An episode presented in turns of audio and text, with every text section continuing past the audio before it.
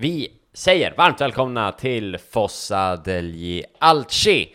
Solen går ner över Växjöhimlen, den lyser upp i de mest fantastiska färgerna. Det är rosa, det är orange, det är rött, det är blått. Vad har du för, vad ser du framför dig Andreas Persson?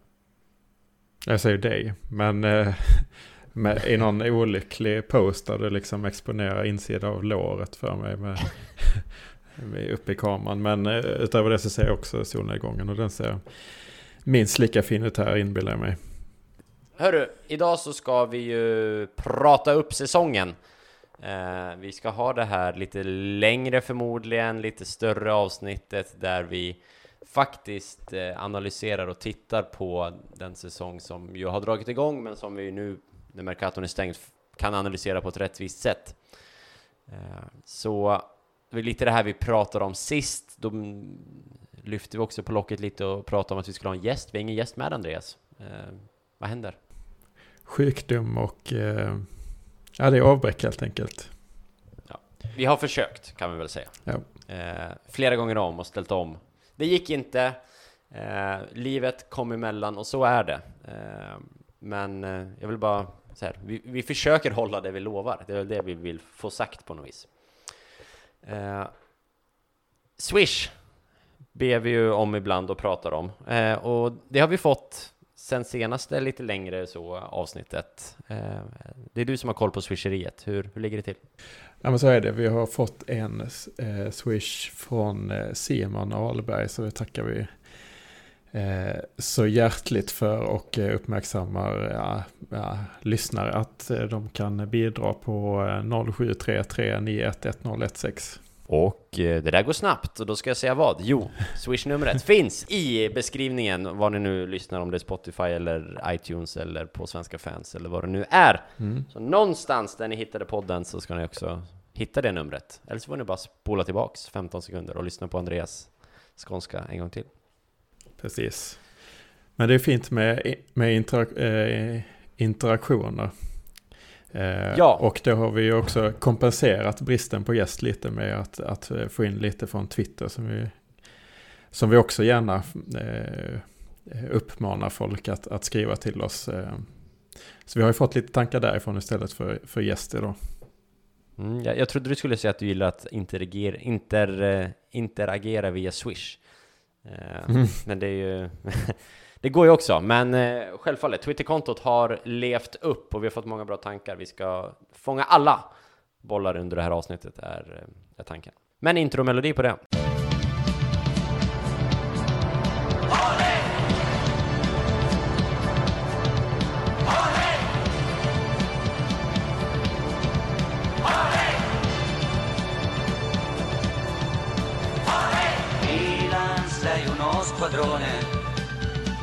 Squadrone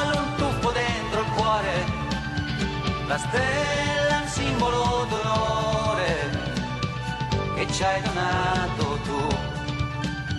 Se cambi, lotte vinci sempre, se perdi non importa, non fa niente. San Siro un solo grido, un solo amore, forza Milan, dacci il tricolore. Forza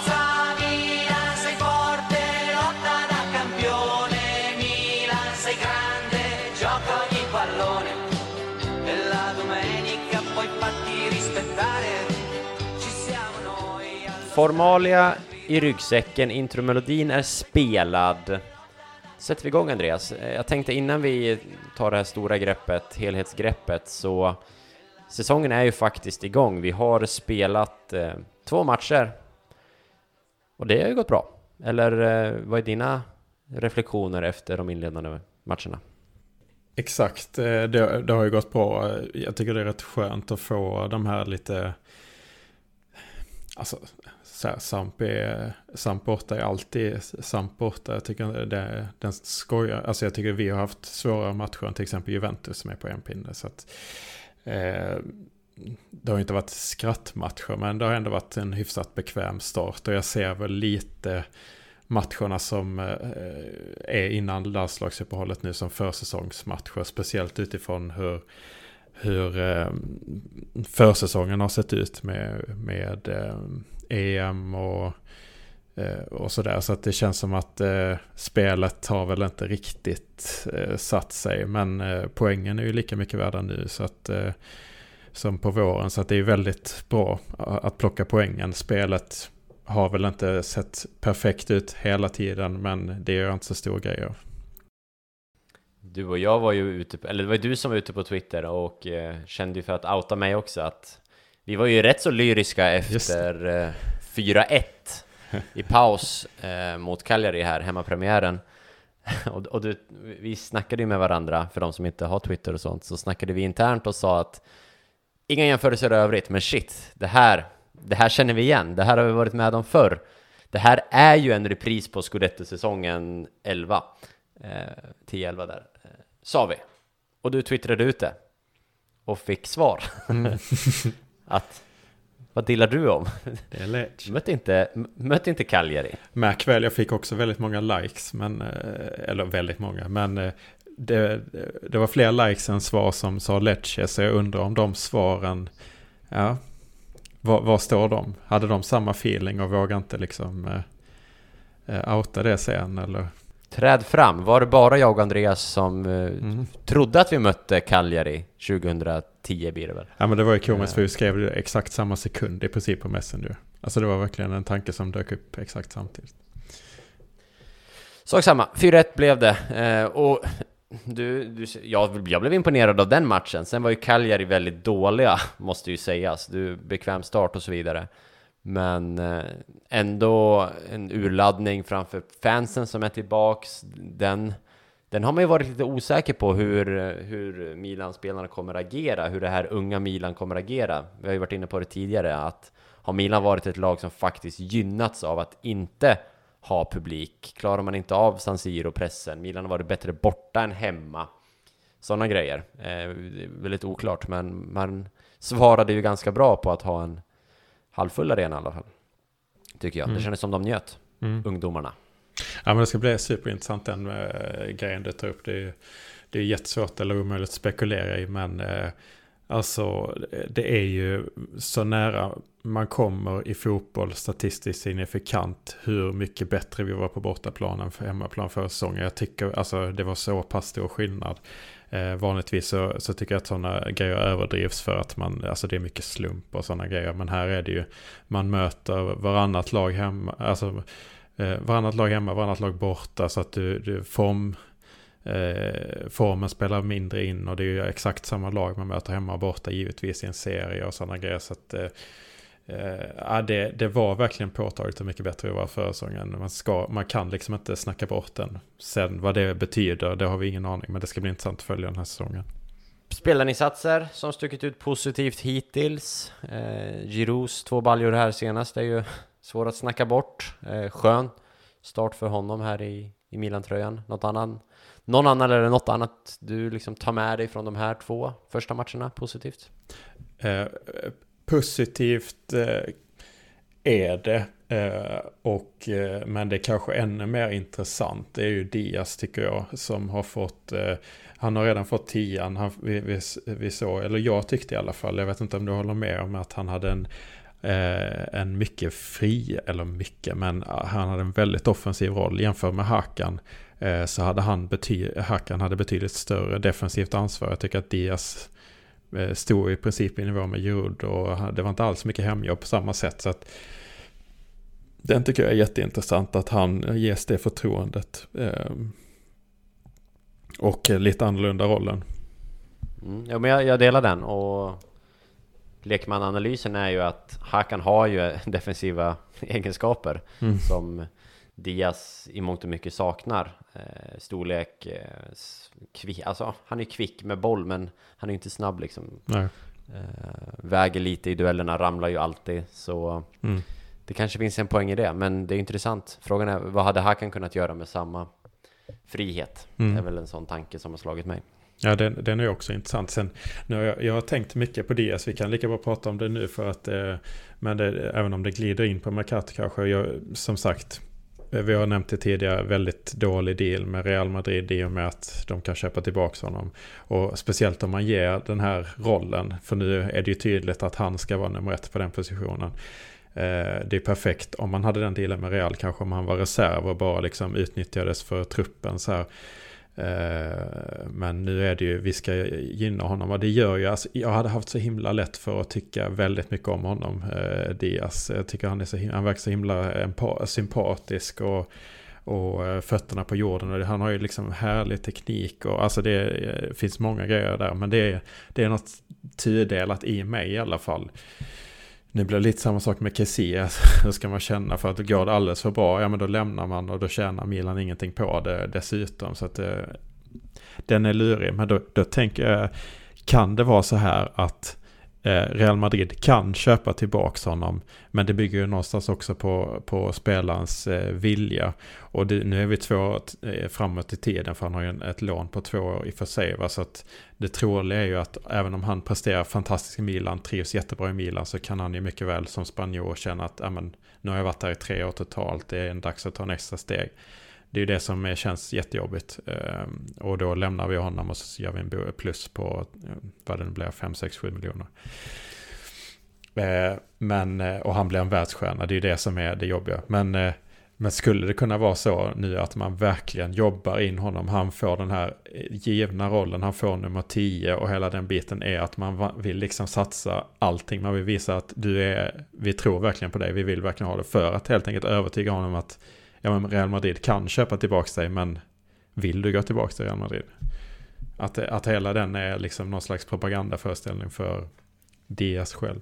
Min, min förhoppning, eller min tro på något vis, har väl legat i att han kommer bli bra, eh, bättre än förra säsongen, och när det väl är dags om två år att, att förhandla med Real Madrid igen, så är han Milan bra, men inte Real Madrid bra. Att de har någon att de köper in en superstjärna eller att de har liksom tagit Mbappé och eh, Haaland eller någonting och spelar 4-3-3 typ. Någonting i den stilen eh, kan jag också tänka mig att Milan tänker. Det är så jag mm. ser lite framför mig. Mm. Att man har förhoppningar. Men det är ju det som blir det kluvna, att man vill att det ska gå bra för honom, men inte för bra. Alltså det blir jättekonstigt. Ja, precis. precis. det, det, är det, ja. som, det är det som är kämpigt. Men bra har han varit i två matcher. Ja. Men, men också jag. lite problematiskt. Alltså vi har varit inne på vilken nivå motståndet är. Är det det som gör nu, alltså det är också sådana här klassiska grejer tycker jag på de här kartorna. Att ja, nu har man presterat i början av säsongen. Ja men då behöver vi inte värva någon. För vi hade tydligen ersättaren i truppen, Hakans ersättare i truppen. Mm. Är det, eh, det kanske, finns det en förbannelse i det att han presterade så himla, eh, så himla bra. Han har inte varit extraordinär men att han, han har mött två enkla lag och så ser det bra ut och så, så nu värvar vi en reserv till honom snarare än att han ska vara reserv. Men jag vet inte. Men eh, det, är, det är tidigt också. Och frågan är om man har tagit slutsatser från det. Jag eh, är väl också lite inne på att, och det kommer vi komma in på senare här, men formationen. Det känns ju som att den här säsongen är 4-2-3-1 absolut inte lika given som den var i fjol. Nej, verkligen. Men den kommer vi in på, det är liksom en fast punkt i dagens avsnitt på min agenda framför mig. Eh, så tillbaks dit. Men eh, det om det om det, om matcherna hittills kanske. Eh, vi kommer väl referera tillbaks dit, kan jag tänka mig. Exakt. Det har ju varit en CL-lottning också. Ja, jag tänkte komma dit. Lite, lite spelschema och det påverkas ju i högsta grad här av lagen vi fick på Champions League-lotten. Milan in som fjärde sida, att det har ju aldrig skett under min livstid att man ska behöva se Milan eh, dras i den potten, även om jag faktiskt missade den lottningen för att jag spelade match själv med mitt gäng. Men eller jag är tränare och jag följde, jag fick lite era notiser, dina och Kerims, när ni gick loss där och bara såhär, åh ja, nej, ja kom igen, ta grupp A, nej, C, mm. ah! Mm. Och jag fattade ingenting för att jag såg, jag fick bara reaktioner. Eh, nej. Jag tänkte genast på Schalke... Schalke, ja, det är för er som har varit med och lyssnat på den här podden länge. Fem, fem lyssnare eh, tar kanske den referensen. Ja. Då, då äh, tveksamt. Scrolla tillbaks i poddbiblioteket till eh, 2010? 9? Nej. Ja, skitsamma. Ja. Tidigare. Eh, när vi... Nej, 2012. Nej, senare är det. Senare ja, är det. Ja, 12-13 är det. Mm. Eh, vi var inte först i världen med podd. Nej, Nej, skitsamma. Men eh, Liverpool, Atletico, Porto. mm. Inte en drömlottning. nästan eh, den värsta skulle jag säga. Har du hört Toto Balutto, eller det heter väl Tutski Balutski, om mm, Champions League-grupperna? Det har jag faktiskt Och då gjort. framförallt grupp, grupp B. Det har jag faktiskt gjort. De... Nu har inte jag lyssnat helt klart och Milan är ju sist, men som jag förstår det så tror de att Milan går vidare. Mm. Den är Tror intressant. Det? jag tror inte att Milan är favorit. Eh, Men jag tror att alla lag i gruppen kan gå vidare. Eh, Så att eh, så är det absolut. Och där är spelschemat en intressant faktor. Det är, det är ingenting som de nämner men det är en intressant faktor i det. För att eh, eh, ska man fortsätta på deras spår så är Liverpool klar favorit i den gruppen enligt dem. Och då är det ju så att vi har Liverpool hemma i sista matchen. Eh, vilket är en intressant poäng för att skulle de då ha gått rent eh, så kan det vara så att de inte är supermotiverade i den matchen eh, och eh, att vi då har ett övertag och då, då blir det ju att vi slår grupp ett, alltså om vi skulle vinna då till exempel mot ett icke motiverat roterande Liverpool kanske. Då, har- då har vi vunnit mot gruppettan och det gör ju väldigt stor skillnad i en grupp såklart. Eh, så att det är väl den grejen man får hoppas på lite för vår del. Kanske att vi, alltså det optimala är såklart att vi vinner direkt mot Liverpool, men gör vi inte det, kanske ta ett kryss och sen går de rent liksom. Liverpool i de övriga matcherna, de är färdiga och vi har då den för, eh, fördelen mot dem. Eh, jag, jag håller absolut inte det som omöjligt att, att vi går vidare, men eh, Frågan är om vi inte är ens fjärde favorit i mig. Jag håller oss nog för Porto. Jag tycker de är svårvärderade verkligen för att jag kollar inte portugisiska ligan. De var de stod upp mot Juventus och slog ut Juventus förra säsongen. Samtidigt så vann de inte, Sporting Lissabon vann ligan för första gången på eh, tusen miljoner år. Så att det, man vet inte, jag vet inte, jag har ingen aning vad man har Porto. Men det är ju ett svårt motstånd liksom. De går ju alltid vidare men de har alltid lätt grupp. Det, alltså, är jättesvårt för mig. Jag tycker Atletico Madrid är det jobbigaste för mig. Det Är liksom Spaniens bästa lag nu förmodligen. Och, och ett, till och med nu även Spaniens bästa spelare kanske som spelar i det laget. Alltså det, även individuellt sett. Eh, I och med Griezmann som, som gick där. Jag tror du syftar på Suarez, men eh, ja. Ja, men han har ju varit där sedan tidigare. Men jag, Ja, tycker jo. att, jag tänker att maktbalansen skiftade ytterligare eh, på Mercatons sista dag där. När, eh, när han gick och, och eh, Real Madrid eh, inte har förstärkt. Alltså Barcelona och Real Madrid är ju båda försvagade. Och, och Atletico Madrid vann ligan förra säsongen. Så att den, och få den lotten är, den är riktigt jobbig. Eh, Jag delar inte riktigt samma oro. Jo, det är klart. Alltså jag tror att Atletico såklart är favorit mot Milan på, i ett gruppspel, det tror jag ju. Men jag tror att Liverpool blir svårare för Milan att slå, framförallt i första matchen. Så, nej. De, alltså de är ju också försvagade. Alltså på så vis att Wijnaldum har lämnat. Men sen har de ju det att Van Dijk är tillbaka från skada. De har några mittbackar tillbaks Äh, i äh. spel och har väl värvat en mittback också. Så jag, jag tycker inte de har imponerat så himla mycket i början av säsongen. Men eh, på det, alltså de har inte liksom så strålat på det sättet. Men de har ju varit, verkat fruktansvärt svårslagna. Eh, Eh, vi skulle kika, kika spelschema eh, och där du var inne på Champions League-spelschemat men här det som kommer nu, det som komma skall närmsta, vad är det, 20-25 dagarna Mm. är ju tuffa eller roliga beroende på lite, lite hur man ser det. Vi har Lazio här närmast va? Sen är Mm. det väl Liverpool och sen Juventus om jag Exakt. inte minns fel. Precis så är det. Och det är ju spä- jäkligt spännande. Jag skulle säga på förhand, innan säsongen började så tänkte jag Lazio i tredje matchen, perfekt. Eh, Sarri kommer förmodligen få fart på Lazio. Eh, men det kommer förmodligen ta tid. Det är en jättestor omställning från, från eh, eh Simone Inzaghi spel till Sarri spel. Mm, nu, nu har de eh, gått rätt så bra i början så att det, det kanske inte stämmer. Samtidigt så tror jag att de kommer bara bli bättre förmodligen. Så att det... Och de har ju inte riktigt testats kanske. Eller de har inte testats. Så att eh, frågan är hur de står sig mot vår pressspel till exempel. Och, och, ett riktigt tufft motstånd. Så att jag tror att det, det, är väldigt intressant för oss att möta Lazio så här tidigt. Juventus är det ju, har det också visat sig, alltså eh, var intressant att möta. De står på en poäng som sagt. De har mött sämre lag än vad vi har. Eh, de har mött Empoli på hemmaplan och förlorat. Alltså det är... Eh, Ronaldo lämnar i slutet. De hinner inte liksom ersätta på något vettigt sätt. Det är, det är ett väldigt intressant läge att möta Juventus nu. Alltså, och ska vi säga att Juventus i sin tur har Napoli när vi möter Lazio. Napoli som har sett bra ut är på hemmaplan. De är favoriter i det mötet. Att skulle Napoli vinna, då står på Juventus på en poäng på tre matcher.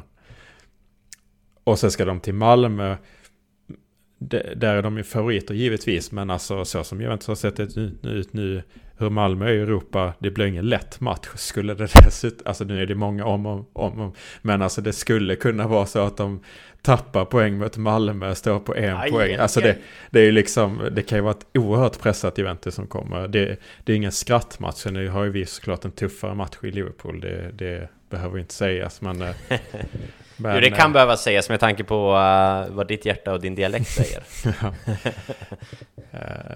uh, men det, det, fallet blir ju större för dem om de inte vinner ett Malmö. Så, så är det, så är det, verkligen.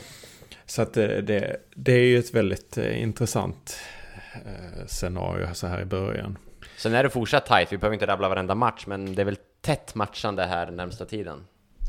Precis, egentligen, jag har skrivit upp, jag har ett, eh, eh, jag har ett Google Docs som jag eh, bokför alla mina tankar eh, för, eh, som inte lyssnare känner till kanske. Men eh, det är osedvanligt rörigt idag för att det har hänt så mycket och det är mycket på vår agenda. Jag har skrivit ner massa intressanta saker om, eller, om spelschemat men jag tror att det, det blir överflödigt. Men jag tycker allt som allt så har vi ett eh, hyfsat bra schema i samband med, med CL. Det är vissa kamper där som är... Mm, man, hade inte, man vill ju inte möta liksom Fiorentina är ju också sån här riktigt tråkig för de är ju det som spelar inte i Europa och möta dem i samband med Europa. Då är det är det bästa laget som inte spelar i Europa och det, det är en del tuffa eh, toppmatcher också i samband med, med Europa. Eh, men då möter också topplagen andra lag i Europa men vi har ju det här överlägset tuffaste gruppen. Det är ju så för alla, alla lag i vår Champions League-grupp är att man måste topprestera i varenda match. Även oavsett om man heter Liverpool, Milan, Porto eller, eller Atletico Madrid så måste man toppleverera för att kunna gå vidare från gruppen och det, det kommer ju slita. Milan, Milan,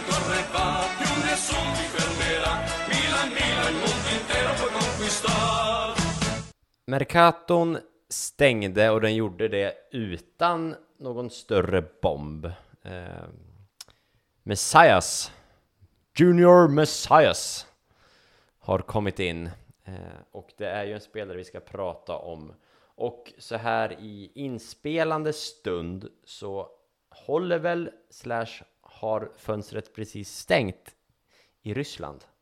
Har du hunnit hålla koll på den? Är fönstret stängt där eller? Är det klart att det inte blir något Cheska för den gode Samu? Nej, jag har inte sett något eh, officiellt att det är stängt. Men det såg väl mörkt ut senast jag läste. Det vet ni när ni lyssnar på det här om det är 100% klart eller inte, men det lutar ju ditåt. Så det hände inte så mycket mer sen det senaste avsnittet, utan det är Messias som kom in. Bakayoko blev väl officiell. Jag tror inte han var officiell när vi poddade sist. Conti blev kvar i truppen, Castillejo blev kvar i truppen.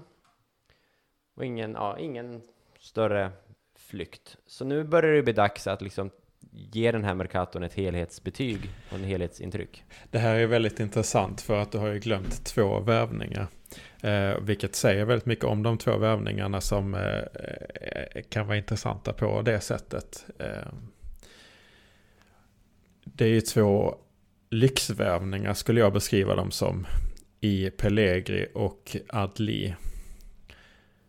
Ja, okej. Okay. Pellegri glömde jag. Adli eh, kommer ju inte nu, men för all del. Nej, men den görs klart nu och jag tycker att det är intressant. Du kan börja där i och med att du, du glömde dem. Så Eh, ska vi ta Adli, spelare som jag har förstått, liksom Bayern München var intresserad av till exempel, säkert väldigt mycket potential. Det intressant att man lägger så pass mycket pengar ändå på en spelare som skulle, eh, kontraktet skulle löpa ut nästa säsong, man vill lägga 10 miljoner eh, var det väl för att säkra honom för att säkra honom, punkt.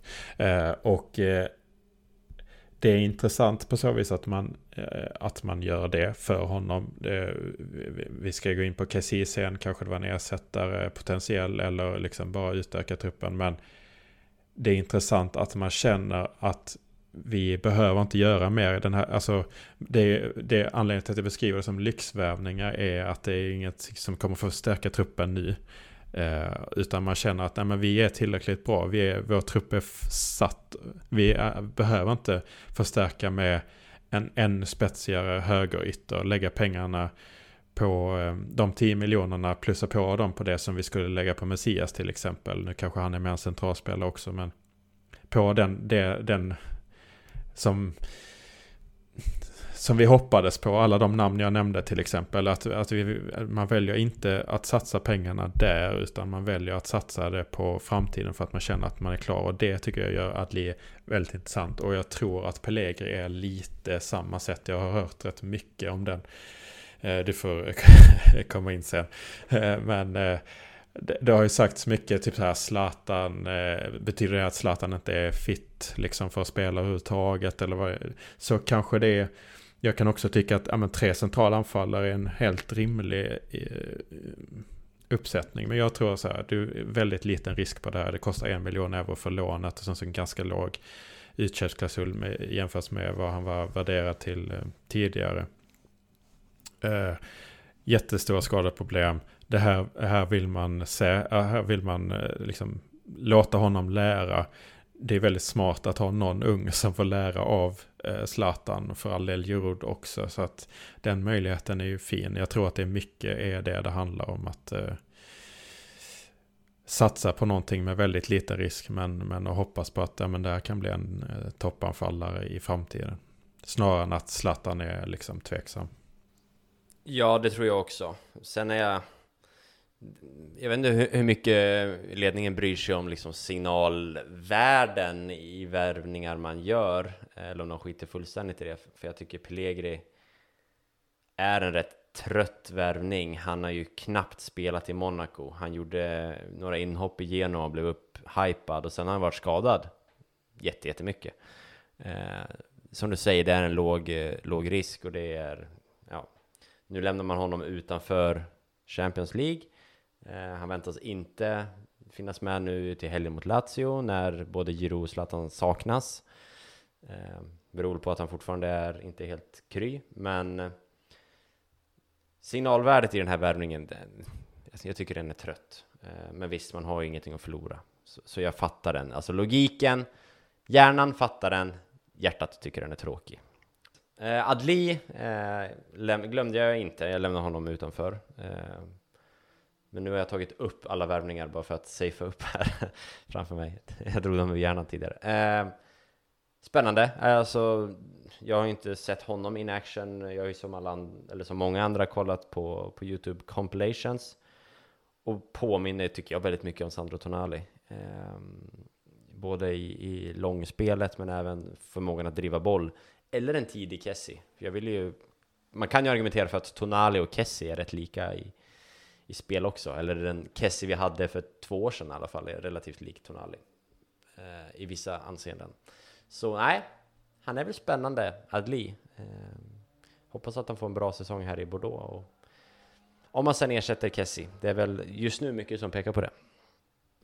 Eh, Messias. Men, eh, mm, Messias ja, jag tänkte det. Ja, alltså, ja.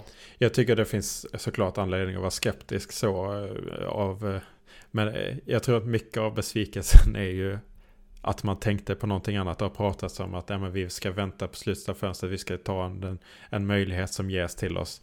Jag tycker att det fanns väldigt många möjligheter som, som dök upp där i slutet. Alla de jag nämnde. Det är klart en liten annan hylla men det och för de som inte lyssnar på varje avsnitt, vi har pratat, det har pratats om Isco, det har pratats Bernardo Silva, det har pratats Coutinho tidigare, de namnen. Ja, som vi alla har koll på. Ja, och det dök upp fler. Alltså det finns många. Det finns ja. Fassarabia. Sabitzer. Mm.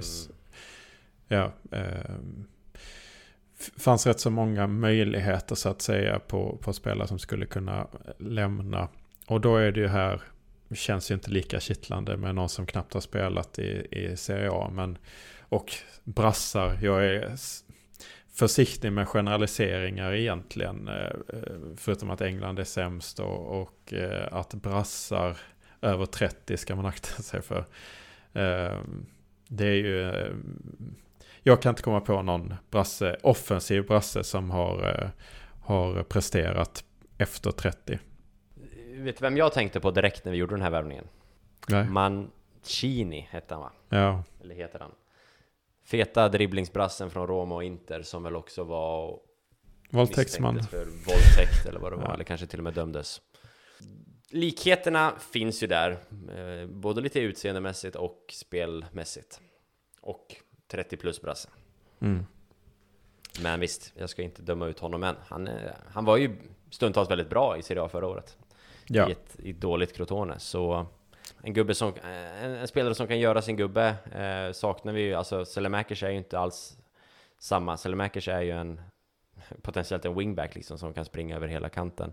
Det kan ju inte Messias och så han kan ju både stoppas in där på högeryttern för ett mer offensivt alternativ, en, en bättre vänsterfot som kan bryta in eller som ett alternativ till Diaz för att dyrka upp försvar. Så ja.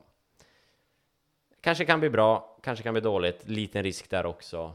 Men lite besvikelse, fadd smak på den värvningen. Mm.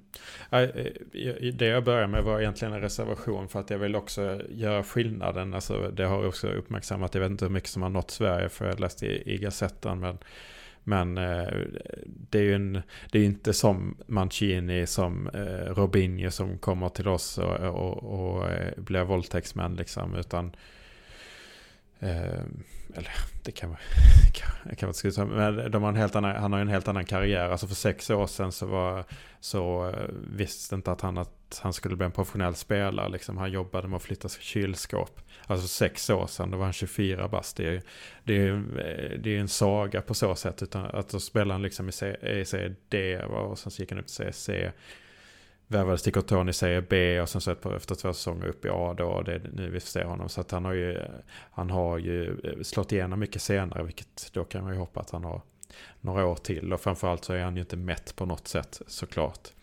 Eh, så att det är en hungrig spelare så att det, som jag tror kan... Eh, han har den här tekniken som du pratar om men också en grovjobbare. Så att jag tror att han som rollspelare så, så är han ju väldigt intressant. Eh, sen, sen är det ju det här med spetsen som man, om man nu pratar om de här Champions League-matcherna där vi måste ligga på topp. Där hade ju spets verkligen behövts. Eh, men eh, frågan är om det bara är spets som är intressant. Det är det ju givetvis inte, men frågan är om spets ens är mest intressant på den och andra positioner. Jag ska prata om det sen. Ja, för jag tycker ju att nu saknar vi ju spets, riktig spets på förhand på centralt mitt, offensivt mittfält där Diaz är just nu första valet. Vi saknar det på offensivt högermittfält där Selemakers är första valet och vi saknar det på potentiella ersättare som kan gå in på bägge i Messias eller Florenzi för den delen som kan spela till höger. Han har ju inte heller en spetsen liksom. Nej. Så, mm. Spetsen finns längst fram, likt fiol. Så är det. Tycker jag. Men vi kommer väl in på det också. Så är det.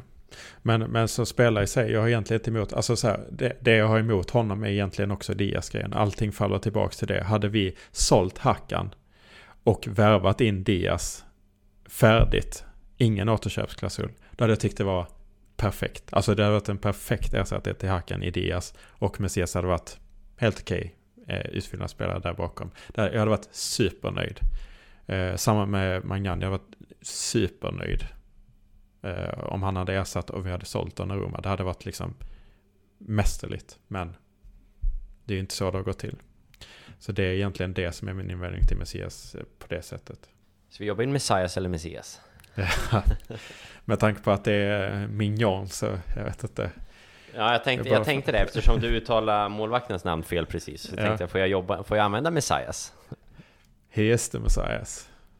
Ja, visst. Centrala mittfältet, ska vi komma in på den? Eh, Bakayoko, klar. Tonali, två jättefina premiärmatcher här. Benazer är Benazer, jobbar sig fortsatt tillbaks från skada, känns det som, även om det väl var ett tag sedan han var skadad, men eh, lite oklar status på honom. Och Mm. sen mysteriet, nej det är inte så mycket mysterium, men Frankesi, Mm. världens bästa mittfältare som nu ingen i Milan supporterkretsar verkar gilla. Helt plötsligt, och det finns väl logik i det. Eh, ska vi ta Kessi nu Andreas? Mm. För så det är många som vill det. Nicasso vill det, Jesper Rossoneri vill det på Twitter. Mm. Eh, det var väl någon mer som uttryckte tankar om Kessie också. Men två, tre personer har ju ställt direkta frågor. Vad händer med Kessie? Kessie situationer, ge oss tankar. Mm. Jag eh, kommer vara rätt så positiv generellt i det här avsnittet. Men det här har jag svårt att prata om utan att bli förbannad. Eh, sen är kanske inte det allt direkt svar på de här frågorna. Men jag blir förbannad återigen på det här liksom att man inte förlänger. Eh, alltså, och det gäller inte bara i, i det här fallet. Det gäller inte bara att knyta upp spel. Alltså det handlar om så mycket och det är så grundläggande. Vilket är faller tillbaks på, på sportsliga ledningen, deras inkop- alltså, eh, oerfarenhet och sådär. Eh, som Hakan till exempel, vi, vi bryr oss inte så mycket om vad Hakan tycker så nu, men han var ju tydlig när han lämnat, ja men det var Pioli som ville ha mig i Milan. Uh, jag kände inte att någon annan ville ha mig där. Varför kände han så? Jo men för att man pratar inte om att förlänga med hans kontrakt förrän det börjar gå ut. Alltså det var, eh, jag vet inte när de börjar, men säg ett år kvar. Det är liksom, eller ett och ett halvt år. Hade man börjat två år, innan, två och ett halvt år innan. Alltså det här är så himla, alltså det är som att knyta skorna. Det är så grundläggande för en sportchef att ha den här planeringen. Eh, och, och det är det som, som gör att de här situationerna uppstår. För då hade han inte, det är inte bara det att man låser spelarna så att man tar pengar, utan man, spelarna känner sig uppskattade. Eh, nu är Kessie unik på flera sätt för att eh, Eh, med tanke på vad han har sagt. Det, det är ju också en väldigt stor faktor i det här. Men, men om man tar liksom Donnarumma och Hackan som grund. Då är det liksom många som försvarar ledningen. Men det här är jobbiga spelare. Det här är liksom bråkiga agenter som bara vill spela hans eget bästa. Som om att Milans ledning liksom var de enda som hade med, med, med agenter som hade egenintressen och, och spelare som ville tjäna pengar och sådär. Liksom. Det, det finns eh, försvårande omständigheter i de situationerna absolut. Men om man, det går, alltså vad ska man, vad är ursäkten till att man inte pratar med för förlänga med Frank Kessie för ett och ett halvt år sedan, för två år sedan. Eh, väldigt tidigt så, så kändes det som att ja, men det här kommer att vara en, en nyckelspelare för oss. Alltså det finns så himla många komponenter. Det är klart att de jämför lönerna de får med, P, med i PSG i andra klubbar när de, när de eh, går över som bossman. Och då kommer de få eh, höga löner, så är det. Man sätter sig i de positionerna och, och kommer man inte överens, ja då säljer man nu, kanske nu kommer vi sälja i januari om vi ens säljer eh, och, och inte förlänger. Men, men även om vi hade ha- sålt nu i sommar så hade vi sålt till en lägre prislapp. För det var ett år kvar på kontraktet. Alltså för två år sedan var han en given nyckelspelare. Då skulle man ju liksom satsa sig ner och förlänga kontraktet som till skillnad från Donnarumma eh, som han ursäktar där. Donnarumma hade en hög lön från början. Kessiva satte han på 2 miljoner, 2,5 miljoner och sånt där. 2,2 tror jag. Ja. Alltså att han skulle gå upp till, nu snackas det om 8, 9, 10, det bara höjs Mm. hela tiden.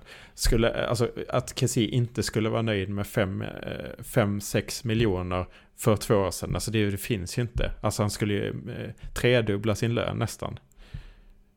Eh, och, och han stormtrivs, han har ju sagt det själv.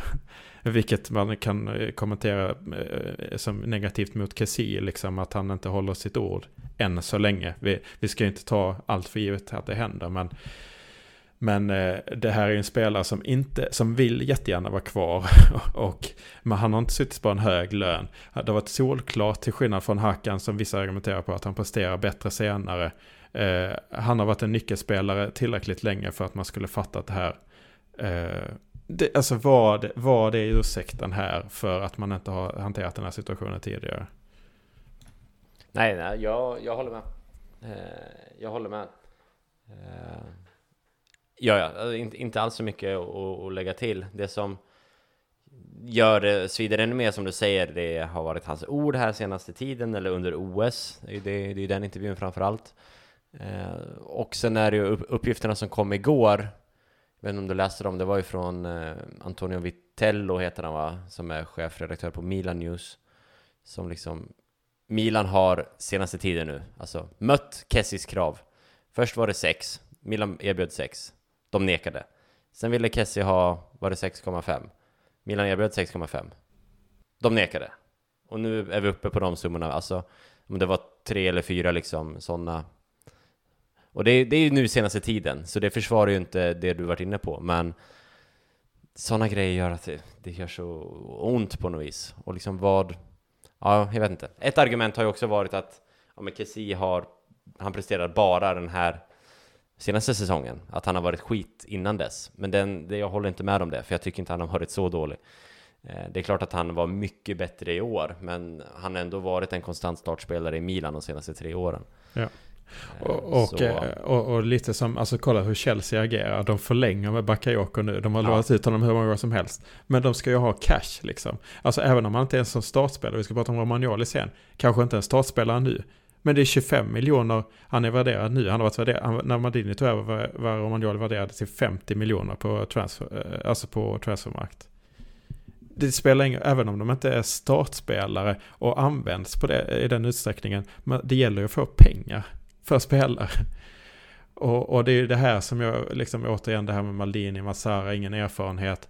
Det är ju det här det kostar, den här bristen på erfarenhet. De ska lära sig. De har inte hunnit lära sig av Hackan uppenbarligen än. Och det var ju för sent. Alltså de, eh, nu börjar de ju prata om att förlänga med, med, med eh, Theo. Theo och så vidare.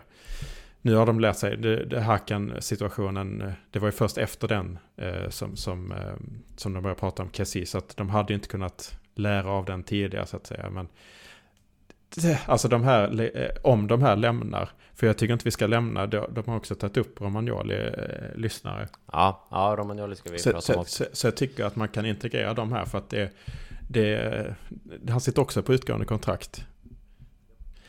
Eh, så, eh, tillsammans, alltså lägg, till, lägg ihop Donnarumma, Hakan, Kessi, Romagnoli.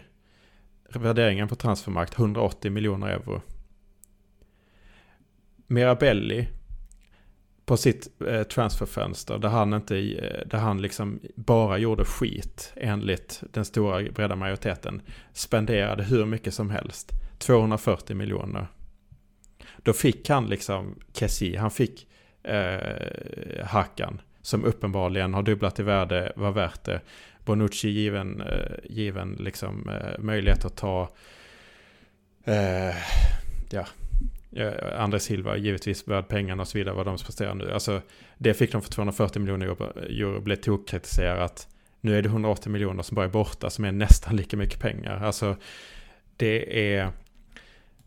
Eh, Eh, man kan ju inte bara jämföra sådana här grejer för att löner påverkar jättemycket. Jag fattar det, men det jag vill eh, illustrera med 180 miljoner euro är att det är, du ska, eh, för att kompensera för hur mycket mindre truppen blir värd i de tappen, då måste du göra jäkligt bra deals. Alltså Benazer värvas för 16, värderat till 38. Ja, då har du eh, 22 där. Eh, Teo värvad för 22, värderad 50 nu. 25 upp där liksom. Eh, otroliga affärer. Och Sellemakers eh, upp 10 miljoner från en väldigt låg pris. Det finns fler, bara Magnon liksom 13 miljoner. Han är ju eh, värd 25 eh, från början med att han är rätt av kontraktet. Det finns ju de här dealsen men räkna upp alla dem. Och dra inte bort liksom att Leao är värd mindre än vad de värvar honom för. Och, och eh, Duarte som är värt noll eh, från 10 typ. Eh, lägga upp alla bra deals och du kommer inte komma upp i hälften av 180 miljoner euro. Det spelar jättestor roll. Eh, och det är fruktansvärt provocerande, tycker jag. Eh, jag tänker att vi kan stanna lite i Romagnoli. Eh, för att det är som du var inne på flera som har eh, bett om det. Podcast Rossoneri, den andra Milan-podden med Mikael där i spetsen, har ju velat att vi ska spekulera lite om eh, Romagnolis framtid. Det hade varit intressant att höra era tankar kring honom som spelare, kapten, lön i kombination med status, startplats och marknaden. Och du har varit inne och tassat på det. Det som är intressant med Romagnoli i nuläget tycker jag, pratar vi Kessie så, så är ju PSG obviously intresserade och kan ju punga upp de här 9-10 miljonerna i lön utan problem vad det verkar.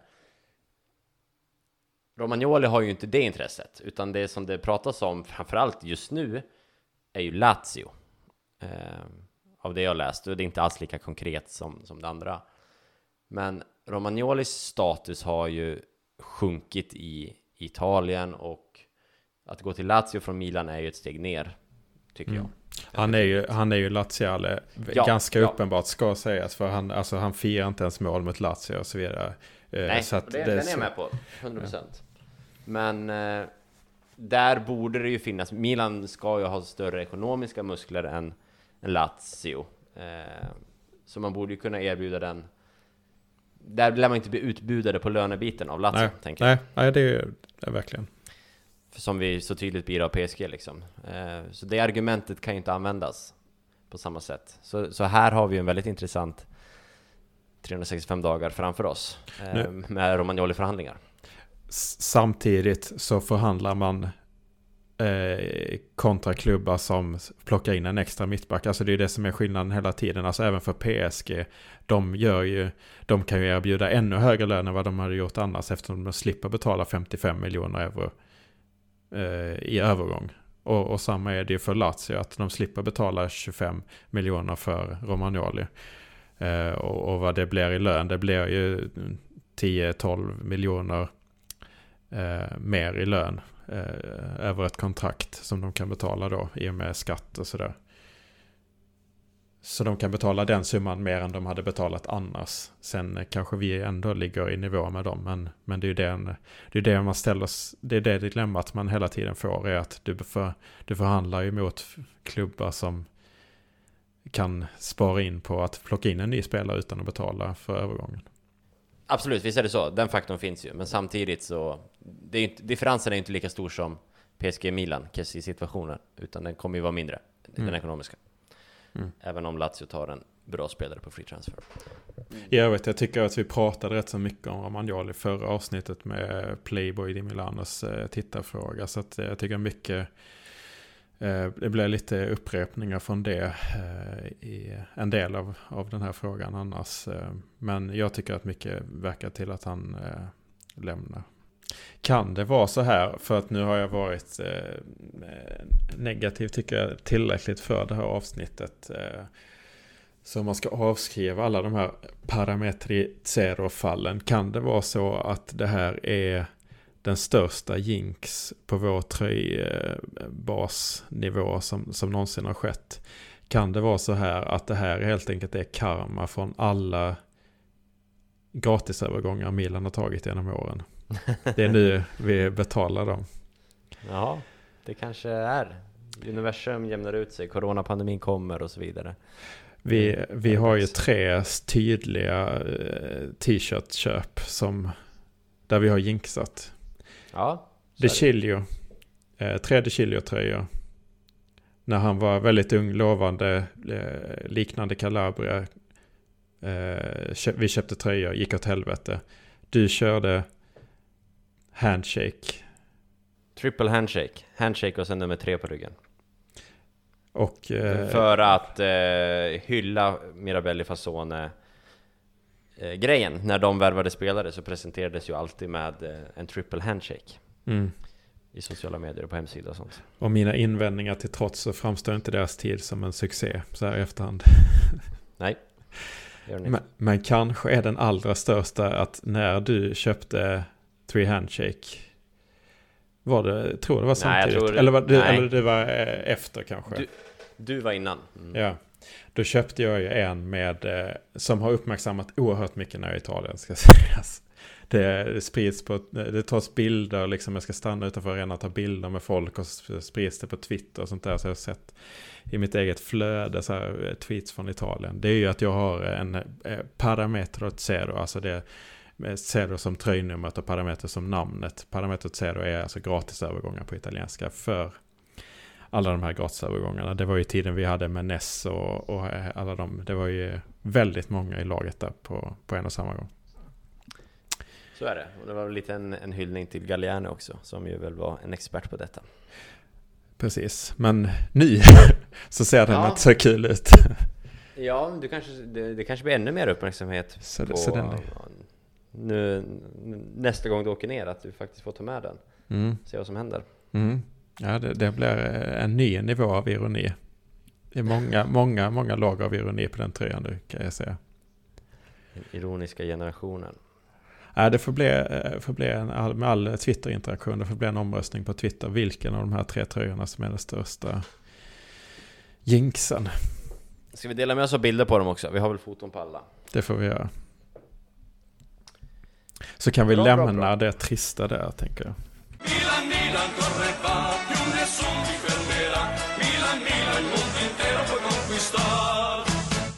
Vi eh, tar oss vidare, vi rundar av Mercaton, men vi kan ju inte gå förbi den utan att på italienskt vis sätta ett helhetsintryck, ett helhetsbetyg på Mercato sommaren som har passerat.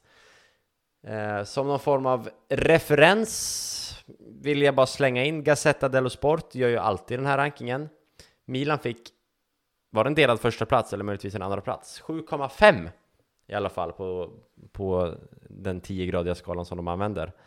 Men där 8 och över aldrig används, så det är ju det är väldigt högt betyg, 7,5.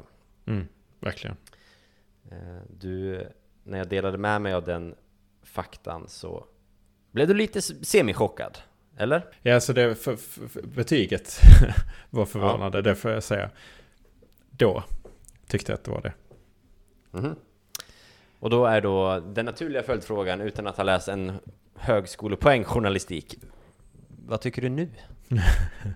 eh, Eh, Eh, det sista, eller det som vi kanske inte nämnde, eller du nämnde det, men det som jag också tycker är en, en faktor som ska vägas in är, vi har pratat om alla in, du nämnde de som inte lämnade, men det ska också vägas in i betyget tycker jag. Eh, att eh, eh de som inte lämnar så att säga, kan vara positivt, kan vara negativt. Positivt, Theo Hernandez är kvar till exempel, eh, så där hade ju PSG uppenbart satsade de. Eh, och Milan satte ner foten, det är inte det finns inte att han lämnar. Eh, det är bra. Det ska, ska man liksom ta hänsyn till. Negativt. Eh, Conti, Casilejo. Mm. Casilejo känns inte alls anpassad till att spela samtidigt som Jo Ibrahimovic tycker jag. Jag tycker det är mycket bättre att ha en högerfot på den sidan. Och dessutom så är jag inte tillräckligt bra.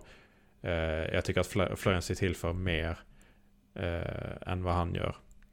Och jag tycker att Florenzi tillför mer än Conti gör dessutom. Så han löser liksom båda de två. Och när de inte lämnar så blir det lite...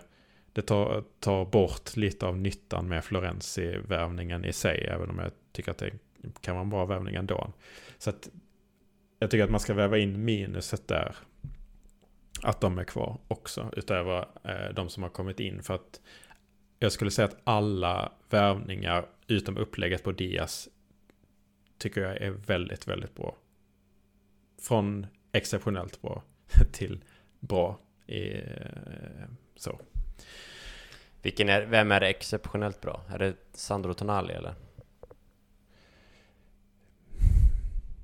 Ja, och Giroud. Alltså de två tycker jag är, är där uppe. Eh, Bakayoko har växt på mig, han är inte exceptionellt bra. Men det är samma sak där, om, om, som jag sa. Alltså hade Kessis sålts nu och Bakayoko hade varit ersättaren till den här dealen som är jättebra deal. Han går ner i lön 2 miljoner euro eller vad det kostade lånet. 15 miljoner utköp. Alltså vi snackar, alltså det är inte så att Bakayoko är 36. Han är 27. Nej, 27 va? Och, och alltså jag, jag, jag, tycker den är lite märklig. Alltså jag, han har växt väldigt, alltså mer och mer på mig nu. Alltså han var ju fenomenal i Milan. Som Kessie-ersättare, det är lite som Magnan, det är, eh, det är en äldre spelare tre år i det här fallet, fyra år äldre är Manjan jämfört med, med Donnarumma. Eh, så, så är det ju, eh, det är ju sämre på det sättet men det är ju en jättebra ersättare om man hade sålt Kessie. Eller om, alltså Kessie får jättegärna stanna också, eh, så att det är ett komplement men eh, men jag gillar Bakayoko mycket. Eh, och eh, då är frågan, i och med att jag gillar alla värvningar mycket och jag har inte samma invändning som sist. du, du, na, na. Jag får nästan klippa in eh, originalet, jag ska inte sjunga i podden. Låta kurva e per il diavolo.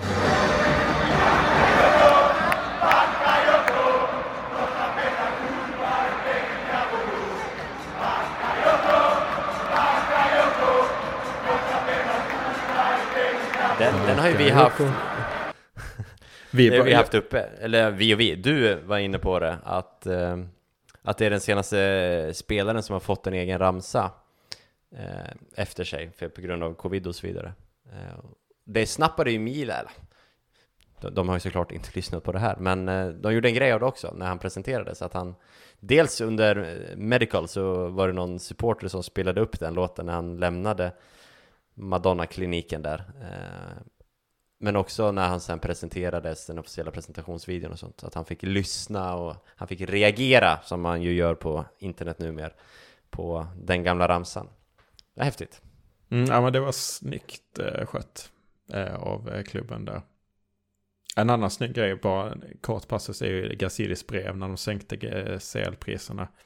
Det är bara en sån kort passus, men eh, Gazidis får mycket skit, kanske inte just nu när han har cancer och grejer, men eh, jäkla finstämt brev måste jag säga när han eh, svarade på eh, vi gör det här bara för Milans ex, eh, bästa, det här med höga biljettpriser, men vi hör vad ni säger, ni har rätt. Vi sänker priserna, det var pff, snyggt. Räddat. Snabbt agerat också, snabbt ja. agerat. Ja. Mm. Eh, nej, ja. Men eh, alla in bra, jag har inte den samma invändning som jag hade förra säsongen, att många in är bra, men vi behöver en ersättare till Zlatan. Att liksom jag känner att trupp, dina, eh, truppen är sammansatt på ett väldigt bra sätt. Så jag har ingen kritik där. Sen är ju frågan, vad ska man väga in att Donnarumma har lämnat? Vad ska man lämna in att Hakan har lämnat gratis? Eller vad ska man väga in att Kessie och Romagnoli kanske lämnar? Vad ska, vilket betyg ska den situationen påverka? Det är det som gör det här jättespretigt. alltså, finns jag, jag, fantastiska... Jag tycker, jag, tycker, ja, jag tycker inte att vi ska räkna med kanske Kessie och Romagnoli kan ju potentiellt förlänga. Mm. Uh, jag när man ska sätta ett betyg på sommaren som har passerat eh, Absolut, Gigi och Hakan, räkna med det Men eh, du får vänta ett år med att räkna bort Theo Eller räkna bort Romagnoli och Kessie mm. Och kanske Theo mm. Tycker jag Ja, för det är det det är svårt, för arbetet är ju nu. Så det är ju nu man har misslyckats. Ja. Så, så, eller ännu tidigare egentligen, men alltså så. Det är det som gör det här lurigt. Men då räknar vi in Donnarumma och eh, hakan. Och det är det, alltså det, gör, det är så himla kraftiga minus och väldigt tydliga plus för mig. Det är det som gör att det här är så himla svårt att sätta betyg. Så jag undrar vad du landar i. jag eh, kommer sätta betyget 6. Ja. Eh, jag, eh, utan att upprepa vad du säger, så är jag svag för de flesta av invärvningarna. Eh, att vi löser Tomori till slut, även om Chelsea var ganska hårda där. Att vi, Tonali-dealen är ju galet bra tycker jag. Eh, mm. Alltså, eh, sen har han en mycket egen vilja i att det blir som det blir, men den är ju fantastiskt bra. Giroud kommer vara fantastisk, Bakayoko, bra deal. Mainan, eller Mignon, eller vad fan han heter. Att han kostar 13, alltså att vi, vi får upp, får loss honom för det priset superbra. Um, nej, så um, de slår ju på något vis ut varandra och vi landar i den ganska vaniljiga sexan som är liksom godkänt. Mm. Uh, ungefär. Det är min siffra. Mm, ja, men jag ger eh, sex och en halv. Mm. Något du vill... Har du, sam, du har ju samma analys, men är det någonting som Nej, nej. Tycker du att det, det tyngre väger över lite mer än vad jag tycker eller vad? Svårt att veta. Nej, men jag, jag är jättekritisk till de här negativa. Sen, om man, sen är jag mer negativ till Kessi för att jag tycker att det finns ursäkter för Hakan och eh, Donnarumma på lite annat sätt med pandemin, med eh, tidigare lön på Donnarumma och sådär. Kessi är, jag tycker inte att det är tillräckliga ursäkter för dem, vill jag vara tydlig med. Men jag tycker att eh, Kessi är, ja, det är som sanslös blunder. Så att den, den väger mycket tyngre och då väger i och med att det är nästa fönsters problem då så... Eh, ja men äh, jag klättrar upp på en sjua nu. Oj. I och, med, ja, I och med att jag tycker att det, det här är inte... Det, det finns eh, förklaringar till att, att de eh, gjorde de här misslyckandena med, med förlängningarna. Och insidan är så pass mycket bättre. Vilket leder oss över till nästa ämne som är, är vi bättre än förra säsongen? Oh, du har blivit sånt poddproffs Andreas. Man är jämnare, tror jag att jag vill säga. Eh, jag tror att Milan kommer att hålla en jämnare nivå under Serie A-säsongen framförallt. Eh, vi hade ju en väldigt bra start i fjol och sen blev det jobbigt när det blev mycket Europa. Vi gick vidare och det var 16 del och så vidare och det märktes där i januari, februari att vi att våran säsong hade varit lång och då tröttnade man och då tappade man vinter, eller man blev väl vintermästare men sen tappade man det efter det och så vidare och så vidare. Ni kan den storyn förra säsongen. Det tror jag inte vi kommer få se i år. Jag tror inte heller vi kommer få se Milan på en första plats och jag tror inte Milan kommer vinna vintermästerskapet. Denna otroligt onödiga titel som ändå har betydelse i Italien. Uh, ungefär så. Mer, uh, ja, jämn jämnt rakt igenom.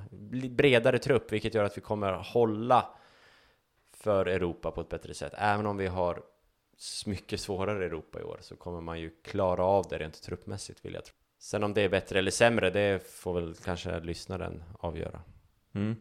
Men det, jag har egentligen samma take på det, kanske tydligare åsikt i det. Eh, för att jag tycker att vi är mycket bättre den här säsongen eh, har jag landat i. Jag har, jag har också varit så eh, att jag har själv svarat att vi är sämre den här säsongen. För om man kollar på typ Gazettan, spelare in, spelare ut, då har de alltid, ja men det här är startelvan och den här är ny. Och då är det allt, då är, alltså vår startelva är, eh, det är Magnan som är ny.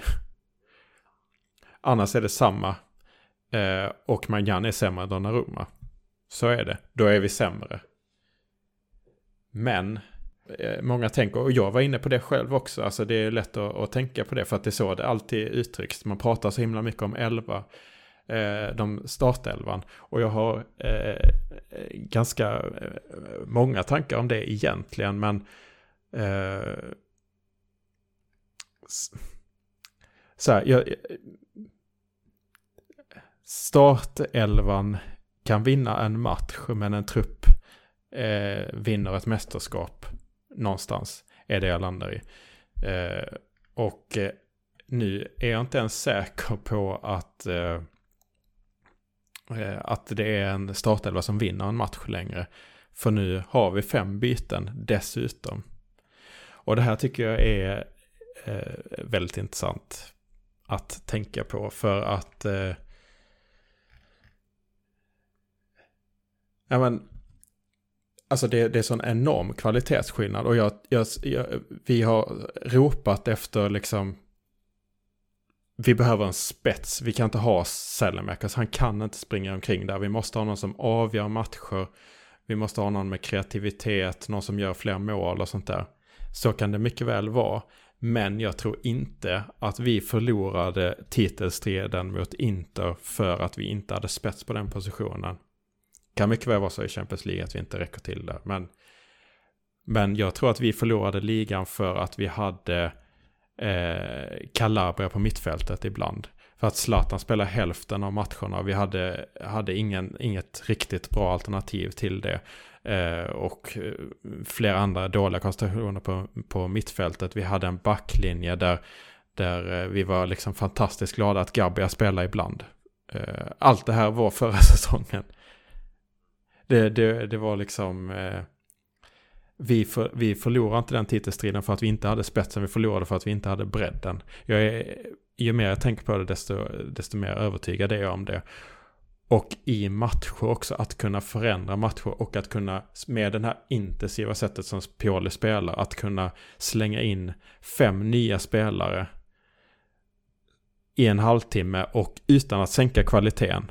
Det, har vi inte, det gjorde vi inte förra säsongen. Det kan vi göra nu. Alltså vi kan slänga in eh, Florenzi, Giroud, Bakayoko, eh, Tonali eller Benazer. Någon av dem. Vi kan slänga in eh, Messias. Eh, Re Rebic, eh, Messias. De är inhoppare nu. Det, det lockar mig jäkligt mycket. Jag, jag tror eh, att det är en mycket större faktor och, och det är det som gör också att jag är, är väldigt nöjd med all, allting som har kommit in på Mercaton. Är att man har åtgärdat det största problemet för det var inte det som jag också har varit en av tjatat för att vi måste ha mer kreativitet och spetsoffensivt. Utan det vi behövde rätta till för att vara bredden. För Champions League men också för eh, att vara en riktigt bra trupp.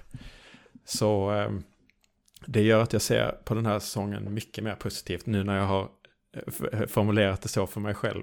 Eh, och jag tror mycket på det. Det är en faktor. Andra faktor till att vi är bättre är Alltså att vi är, en, eh, vi är ett ung trupp. Alltså Tonali varvades förra säsongen Eh, vad, vad, trodde vi om då? Alltså, jag minns i alla fall att jag själv sa att den här säsongen så kommer inte han vara någon startspelare. Nu blev han det delvis för Benazers skada, men eh, det är en framtidsvärvning och jag är rätt säker på att vi var överens om det, eller många tyckte det också. Så att det är ju förväntat att han ska steppa upp nu. Pioli pratade om det, liksom Tonali, Leao, eh, Kunic tror jag han tog upp också. De har tagit jättesteg jämfört med förra säsongen har han sagt.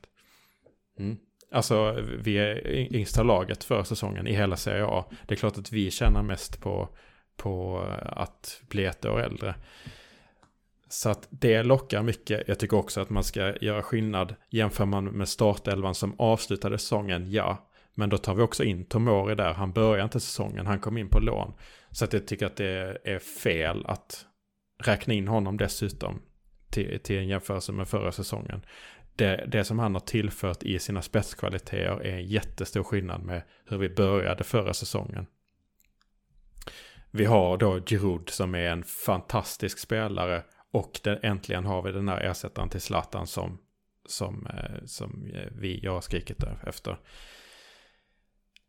Alltså det, eh, och, och, och, med andra spelare, alltså så här, Calabria är ju en helt annan spelare nu än vad vi trodde att Calabria var innan förra säsongen. Så att eh, jag skulle säga att vi är ett mycket bättre lag än förra säsongen. Ja, jag vill ju tycka lite att Milan överpresterade första tiden i fjol. Det var mycket fortsatt vågen med Zlatan. Hur mycket, då betyder ju Zlatan så otroligt mycket. Vad kan han betyda i år? Han har ju inte tiden som en fördel eh, i sin karriär. Om, om Tonali, Leao och company har det så har ju inte kanske våran viktigaste spelare det. Eh, potentialt att vara. Han var ju viktigast förra säsongen. Är han viktigast i år? Kanske inte. Det kanske är Kessie eller någon annan. Men eh, hur mycket var hans effekt? Eh, jag tycker inte lika mycket som det pratas om i media, men ändå väldigt mycket. Eh, var Zlatan-effekten fortsatt? Någon form av efterlevnad, fortsättning men. på den Gust man fick upp för mm. två säsonger sedan då. Um. Han spelade dock 50% av matcherna förra säsongen. Han spelade, vad gjorde han, 6, 7, 8 matcher. Ja, ja. Första halvan av säsongen när vi var vintermästare. Så att jag tycker, ja, han är, alltså, spelar han är han fantastisk, men han har ju tyvärr inte gjort det. Eh, gjorde tyvärr inte det. Och trots att vi hade de här halvdarna lösningarna offensivt så, så var vi vintermästare. Sen när han väl spelade så var han ju otroligt avgörande. Ledde ju skytteligan där ett tag och i början. Verkligen. Och, ja. Men visst, men eh, jag, tycker, jag tycker Milan är, vad sa jag? En bättre bredd, sämre mm. spets. Eh, och det är egentligen ja, för att vi har tappat Gigio Donnarumma eh, som, som kan vara den här tungan på vågen i, i Champions League exempelvis. Han skulle kunna spika igen mot Liverpool och, mm. avgöra på så vis. Ja, det kanske Magnan kan också, men det vet vi inte. Eh, det får vi utvärdera. det är såklart ett stort tapp. Men alltså spetsen är, enligt mig så är spetsen också 16 spelare. För det är de som spelar, alltså säg att du har dem, eh, Eh, du gör, du gör inte alla fem byten efter, efter 55-60 minuter, men du gör kanske tre eller två. Då är det två spelare som spelar i 35 minuter plus tillägg, kanske 40 minuter. Det är ju det är nära att spela halva matchen. Eh, alltså det, det, det, är inte en startspelare men det är en spelare som spelar oerhört stor, stor del av matchen och den del av matchen där matchen avgörs. Så att det, den spetsen som är att ha den bredden, den hade vi inte. Och jag tror att den är, kommer vara så fruktansvärt avgörande. Kommer slita mindre på truppen att behöva liksom kämpa så mycket heller. Alltså, alltså jag tror att det kommer föra med sig väldigt mycket positivt. Ska vi lägga ett öga på eh, vad eh, våra lyssnare säger och tycker om, liksom, om Mercaton, om truppsammansättningen och så vidare. Så har vi ju Nikasso säger att han tycker i en helhet att, att Milan gör en bra sommar Mercato, att målgaranti får man med Giroud som passar spelet som vi har byggt upp kring Zlatan. Messias kan gå lite hur som helst och Pel Pellegri kan gå bra om man har flytt med sina skador. Svag eh, högerkant, men eh, mitt enda stora minus är att ersättaren till Hakans position saknas. Mm. Eh, Daniel Fredriksson är nöjd med Mercaton. Det är lätt att säga att det är dåligt att inte förlänga med Donna, men det är ju även tidigare sportchefers fel med tanke på lönerna fick då. Förväntningarna, och det kommer vi in på nu, men krav på topp 4 för mig för att utveckla trupp och klubb framåt. Eh, och sen spinner han vidare lite här på, på Champions. Eh, att han inte kan känna krav på att vi ska gå vidare, men det vore bra med bra insatser. Jo. Eh, och att han är lite inne på ett formationsskifte och dit kommer vi väl Andreas? Mm. Just det, men ska, ska man ta eh, om eh, förväntningarna så måste man också givetvis ställa det mot eh, konkurrenterna någonstans. Så är det. Så man kommer kan dit. Jag, jag tänk, vi, vi har många lyssnare Andreas. Får ja, okej. Okay. Ja. Får, får inte glömma dem. Eh, Ola Johansson eh, är inne på att med tanke på att drygt 70 miljoner euro har gått till att behålla bara inlånade spelare. Eh, överdriver väl lite, men tidigare inlånade spelare. Så tycker jag vi gjort ett helt okej fönster med tanke på att budgeten nog inte var så stor därefter. Giroud är största uppgraderingen, Mainan känns trygg och Messias kan bara överraska med tanke på förväntningarna. Så han förväntar sig topp 4 eh, och att ekonomin förbättras kommande år. Vägen är lång men det går fortfarande framåt i alla fall. Men ja, förväntningar. V vad, vad förväntar vi oss? Eh, vi är inne på det och lyssnarna säger att de förväntar sig en topp 4-placering i alla fall.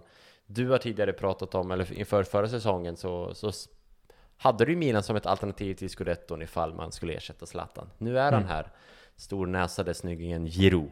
Mm. Är det Scudetton som gäller för Milan?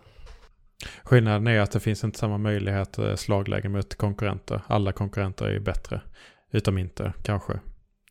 Eh, eller inte är sämre på, mm, skulle jag säga. Men, eh, men eh, eh, så, så, att jag, jag har, så här, jag, innan jag omvärderade det här att truppen är så himla viktig, att den här bredden är så viktig, då höll jag ju, höll jag oss kanske som favorit att hamna utanför topp fyra faktiskt. Men eh, jag är rätt så trygg nu med en topp fyra placering borde vi greja. Det borde vi vara favorit för eh, med det laget vi har. Champions League är en stor faktor. Det kommer, eh, man, man måste reservera för det. Inter vann förra säsongen på grund av att de åkte ut för Champions League till rätt så många procent berodde på det. det så vi vet inte hur det går. Eh, och det kommer slita av oss på oss nu, men jag tror att vi är, är rustade för det.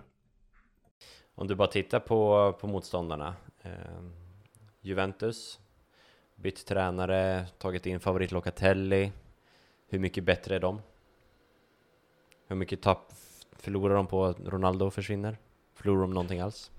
Med, eh, ja men det gör de. Alltså de, de förlorar den bästa målskytten i ligan. Men eh, min bild är väl någonstans att mm, uppgraderingen Pirlo Allegri är större än nedgraderingen från Ronaldo till vad, vad de nu ersätter det med i laget så att säga. Moise.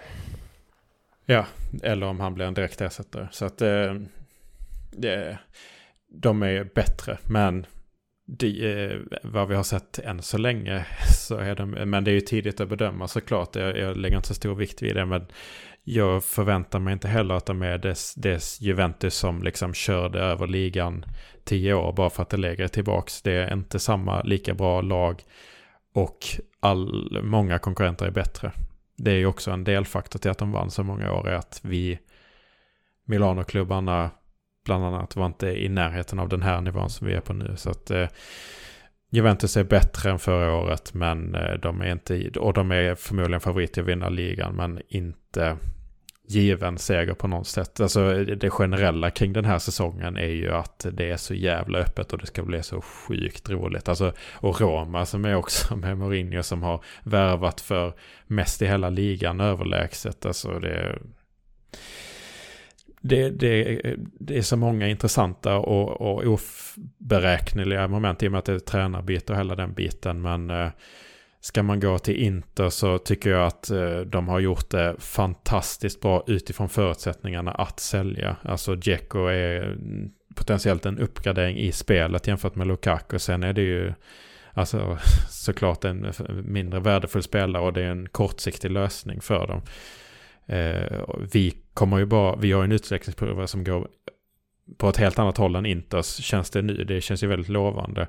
Men här och nu så är ju Hakan eh, och eh, och eh, Jack och Korea känns ju väldigt bra, alltså väldigt bra sportcheferi och där snackar, alltså eh, Hej, ska man, ska man ge liksom Maldini, nu jämför jag med kanske världens bästa sportchef, Marotta, jag håller honom väldigt högt i alla fall. En av de bästa i världen. Men ska man ge Maldini ursäkter för, att, eh, för hur eh, spelare har förhandlat, eh, spelare har liksom hållit på corona, hela den biten. Alltså Marotta sitter och hela Europa vet att amen, vi måste sälja. Inter måste sälja, alla vet det. Ändå får han plus miljarden på, för Lukaku. Trots att det typ bara är två klubbar som kan köpa kanske. Det finns ingen konkurrens och det verkar inte finnas något intresse egentligen konkret från de andra. Eh, PSG är out, men City verkar inte vara intresserade. Det är egentligen bara Chelsea, eller överdriver lite, men alltså det finns så himla få som kan värva. Alla vet att de måste sälja, ändå föra ut det här priset. Det är, och, och det priset han får för Hakimi också, det är när alla vet att, alltså det ska inte gå, när alla vet att, att, att de måste sälja, att få den prisen och det, det är riktigt bra agerat. Och, och bra ersatt Inzaghi det bästa möjliga de kunde göra, men all, allting är trots allt en nedgradering som, mm. som kan klicka och bli kanske till och med bättre spelmässigt så ser de ju mer intressanta ut, alltså offensivt spel och sånt där. Men det vill till att allting klickar. Alltså det finns många grejer som kan gå fel. Det har sett bra ut i början men att Hackan hade den här höjden det betvivlar inte jag i alla fall. Men har han jämnheten till exempel och, och sådär. Så att eh, mm, det, det ska bli spännande men men eh, på Inter ska man då väga in alla de fördelar de hade förra säsongen som gjorde att de landade där uppe. Det såg ju såklart liksom väldigt övertygande ut till slutet. Men det var ju för att de hade, alltså de hade så fruktansvärt mycket marginaler med sig. De hade, det var corona, de hade en överlägsen bredd på truppen. Nu är vi, kan vi matcha deras bredd skulle jag säga, nästan. Eh, eller vi kan matcha deras bredd. Eh, de hade en jättefördel av bredden förra säsongen. Ändå så gick de skadefria på alla spelare. De åkte ur Champions League så de kunde bara spela en match. Liksom, det var väldigt mycket som klaffade. Alltså Conte var ju på väg att få kicken.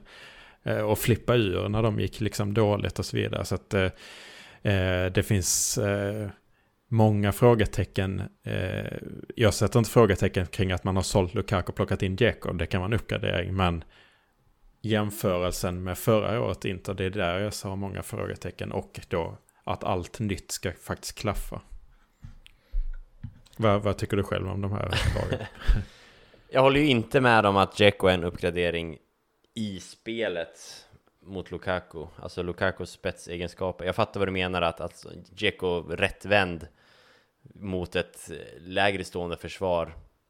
Där är han kanske bättre, men liksom sett till, till de motståndare vi har i Serie A, liksom Lukakos spets i det felvända spelet, rycket, målskyttet. Eh, det är en, det är en jättestor nedgradering. Men de gör det bästa av situationen. Jag håller med Mm. där. Eh, Mm. Kunde vi inte lösa Och- bättre. Och det, det är en jä- jäkligt bra poäng tycker jag också. Alltså, och jag vet, var tydlig med det att jag sa att det kan vara det om allt klaffar. Liksom. Att det finns potential till ett vackert, alltså mer offensivt flödande spel. Inte bara kontringar kanske som Conte gick ut på mycket. Men det är en väldigt bra poäng det här med Koka- alltså Lukaku var ju sån jäkla X-faktor i fysiken han sticker ut med. Ehm, så att... Eh, absolut. Dje- Dzeko har varit i den här ligan nu i, vad är det, 7-8 år liksom. Och vi vet ju, vi vet ju vad, vad man får av honom. Han har ju liksom ingen utvecklingskurva som, som eh, han kommer ju inte skilja sig så mycket över 36 matcher mot det vi har sett i Roma. Visst, han gör det Mm. superbra de här för två första och han har ju också de här, han har ju den höjden i ett lag som, som det går bra i. Men Mm. det finns, alltså Roma-fansen firar ju att han är borta. Mm. Eh, det gör ju inte, in- Interfansen firar ju inte att de egenskaperna som Lukaku har är borta. Nej. Eh, Det vore jättekonstigt om man gjorde det, men eh, jag tror du fattar vad jag menar. Ja, verkligen. Så, så det är ju en, en super downgrade. Så får vi se, alltså de ersätter ju ändå Lukaku med två anfallare. Det är Korea och Dzeko, tycker jag egentligen. Tidigare hade de ju bara Lautaro och Lukaku. Eh, nu har de tre på två positioner. Eh, Sia varit inne på det när han har gästat här, att han har tyckt att, att Inter hade sämre bredd än vad Milan hade på anfallspositionerna. Det höll väl inte vi med dem, men nu har de breddat där uppe också och kan spela lite annorlunda. Korea har ju haft en utvecklingskurva de senaste åren. Han är inte purung, men han har ju blivit bättre och bättre. Och det han visade nu här i inledningen, han visade det med landslaget, han är ordinarie i Argentina liksom. Kan bli bra. Och han känner Inzaghi. Så jag tror absolut att Inter kommer vara med och bråka i toppen. Etta, tvåa. Eh, så här på förhand. Sen har vi inte pratat om, om Romlagen så mycket. Roma ser ju jättespännande ut. Eh, jag tror inte att de kommer vara med och utmana om, om en serieseger, men de kan absolut bråka lite om topp 4 tror jag. Eh, Lazio med Sarri, eh, de har kvar Immobile som eh, oavsett spottar in mål i den blåa trö- ljusblåa tröjan, inte i den mörkblåa tröjan. Eh, eller den azurblå tröjan. Eh, de har ligans bästa mittfältare i Milinkovic Savic. Eh, att han är kvar i Lazio efter alla år är ett under, att hur de lyckas behålla honom. För jag tycker han är så pass bra. Han är min drömspelare i Milan eh, just nu, kanske. Jag tycker han är sjukt bra. Ehm, Napoli har imponerat hittills och nu har vi inte ens nämnt pisslaget Atalanta som ju kommer vara med och förstöra där uppe också. Så, så är det någon gång man ska liksom är du neutral, då lyssnar du väl inte på den här podden, men är du en neutral fotbollsälskare Fan vilket det finns möjligheter att ta till sig Serie A den här säsongen. Ja, alltså är det kommer vara jämnt på, alltså det kommer vara jämnt kring första platsen, det kommer vara jämnt kring Champions League-platserna, det kommer vara jämnt kring Europa League-platserna. Fiorentina har varit bra också liksom, Vlahovic är kvar. Uh, äh, vilken jävla säsong, publiken kommer komma tillbaks successivt. Vi kommer förhoppningsvis ha 100% på läktarna. Och då kommer det vara mer fullsatt än, alltså det är också en grej, så här, Serie A fyller inte läktarna, det är tomt, tråkigt, bla bla bla att titta på. Fan, det kommer vara fullt på varenda arena när de väl släpper på 100%, Mm. känns det som. Att liksom det kommer bli en hype och nej, vilken jävla säsong vi har. Sen jag tror om Milan, jag tror väl också att, att man är, jag tycker man är tillräckligt bra för att, för att ta en topp 4-placering. Sen är det mycket liksom, håller Zlatan ihop? Eh, är en, en stor faktor. Ifall han, har han 25 matcher i benen, då är Milan med och slåss, tror jag. Eh, gör han som i fjol så absolut, vi kommer vara bättre där uppe med Giro. Men eh, ja, en stor faktor där. Eh, vad händer med Kessie-situationen? Kommer han liksom... Kommer man spela honom även om man inte förlänger? Eller kommer man börja bråka med honom, frysa ut honom, sätta honom på läktaren? Eftersom man har andra bra spelare där också. Hur kommer det påverka? Vad händer med Theos framtid och så vidare och så vidare. Så det finns en del orosmoln, men en topp 4 håller jag med om att man ska ha. Så jag håller med dig och jag håller med Ola, var det väl som sa det. Ja. Nej men eh, man- det, det är en fatt, alltså jag, jag håller helt med dig och det är det som gör att jag inte har några så här solklara beskrivningar om jag jämför med förra avsnitt, för, motsvarande avsnitt förra säsongen. Eh, och nu säger jag inte det här för att jag liksom så här, vad var det jag sa? Jag hade rätt om allt. Men alltså det jag sa då var, alltså jag tyckte det var precis så som jag förväntade mig att säsongen skulle gå i princip.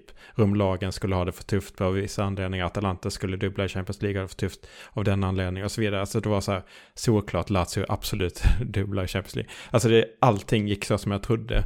Eh, och det säger jag inte för att skryta utan jag säger för att nu har jag ingen aning. Och det är helt fantastiskt. Alltså det ska bli så jäkla, alltså jag aldrig att jag har tänkt att en säsong ska bli så här häftig. Och då har vi då den faktorn också som du nämner att vi har gått och, och, och sett på fotboll liksom eh, i svart och vitt i, i två år när inte supportrar har varit på plats. Och nu kommer de tillbaka. Alltså det är... Och vi är tillbaka i Champions League. Alltså ja. det, det kommer att bli så jäkla häftig säsong på, på så många sätt. Vet man någon status? Nu är de med 50% med green card i, i Serie A. Har, man, har du läst några liksom, prognoser? Har, har Italien... När öppnar Italien upp på, i fas 4 som Sverige gjorde här i inspelande mm. dag idag? Har du sett något sånt? Du som läser Gazettan? Nej, jag har inte gjort det. Jag tycker Eh, fan, jag försöker hitta information om det här på olika sätt, men det är så jäkla svårt att hitta. Eh, eh, samma med det här med, med spelare, testning, hur funkar det med Giroud nu till exempel? Eh, för det är ju också ett potentiellt problem, alltså delta-varianten eh, av eh, SARS-CoV-2, CoV-2, alltså det, den är väldigt smittsam, man öppnar upp, vilket leder till en stor spridning, vilket inte är ett problem för de flesta för att de blir inte sjuka om man är vaccinerade till exempel. Spelare blir inte sjuka men de testar ju positivt. Och vad ska man göra med det? Nu såg jag att Uefa gick ut att... Ja, jag tänkte säga det. Uefa har ju gått ut och sagt att man inte ska testa de som är dubbelvaccinerade. Mm. Och det tycker jag är ett jättebra idé, för de löper ju ingen risk. Alltså de är, de är inte i någon riskgrupp, de är dubbelvaccinerade. De, eh, sådär. Alltså det, det, finns ingen risk för dem. Och då, då kommer det här inte vara en faktor. Men vad händer nu med jord? Hur kommer man följa det här i, USA, i, i Italien också? Uh, jag vet inte. Alltså finalen på Wembley. Eh, där smittades ju 5000 räknar man på att, att det var typ eh, 2000 som verkade ha viruset då men som hade testat som testade positivt två dagar efter så att säga men som bar på det men som testade positivt först efter som då spred, eh, smittade ytterligare 3000. Det, det sprider ju smitta men, så, så men det är oberäkneligt hur man hur Dels hur det kommer smitta men framförallt hur, också hur olika myndigheter kommer reagera på smittan. Och eh, italienska myndigheter är ju inte glasklara och, och förutse heller. Så att jag har ingen aning där heller. Kalabalik-säsongen 2021-2022. Ska vi ta det här avsnittet i mål med att diskutera Finns det en framtid som inte är 4-2-3-1? Milan, Milan, Eh, Morri Charito på Twitter eh, vill att vi ska diskutera de olika formationerna. Det skrivs ibland om två anfallare, ibland med en anfallare. Hur blir balansen i laget då? Vad händer med Diaz om vi har två anfallare? Etc, etc och så vidare. Och så vidare. Eh, det var ju eh, lite spekulationer i italiensk media, liksom de ställde väl till och med upp det grafiskt och, och diskuterade det här att eh, Milan funderar på att mm, ha andra formationer. Vi såg det på försäsongen med 4-4-2. Eh, naturligt när man har två toppklassanfallare i truppen. Hur tänker du här? Eh, och vi har liksom egentligen bara en tydlig trekvartista. Förra året hade vi två. Liksom, många bra centrala mittfältare. Vi kan spela med tre man mittfält, mm. exempelvis. Exakt det här var, alltså jag tycker ändå vi kan outa att vi ville ha en, en gäst som har gästat oss tidigare med mycket högre taktisk kompetens än vad vi har. som vi hade tänkt formulera vissa frågor till. Men eh, du är ju också tränare. Så att, eh, Lagledare, kan, ska vi vara tydliga med. Okej. Okay, om jag, sa, om jag sa tränare tidigare så ljög jag. Jag är lagledare okay. i IF Linné, världens bästa lag. Okej, okay, ja men då väger dina ord lättare då.